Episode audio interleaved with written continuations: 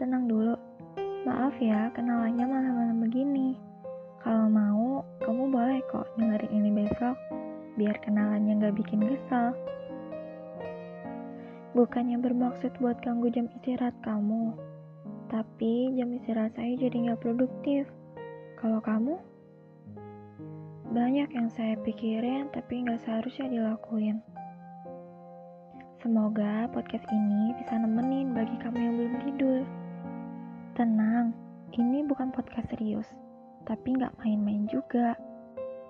Um, gimana ya? Ini podcast main-main, tapi sedikit serius.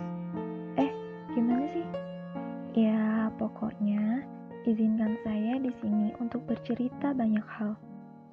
Supaya yang jauh bisa dekat, yang nggak tahu jadi tahu, supaya yang udah datang gak akan pergi dan supaya yang belum kenal jadi kenal. Apa yang harus dikenalin ya? Saya mungkin hmm, kalau bilang nama kesannya cuma buat gue banget.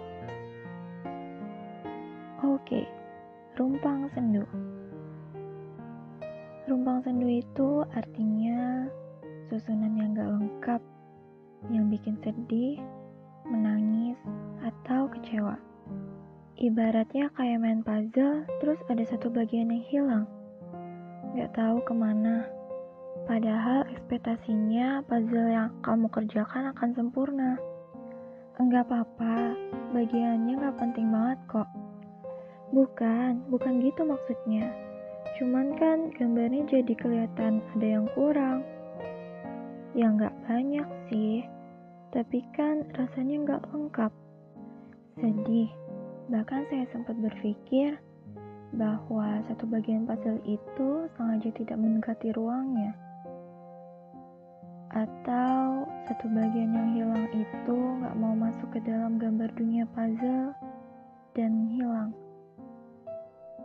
Kecewa karena satu bagian puzzle itu gagal saya gapai saya tidak bisa menemukannya. Mungkin benar, yang hilang tak usah dicari lagi.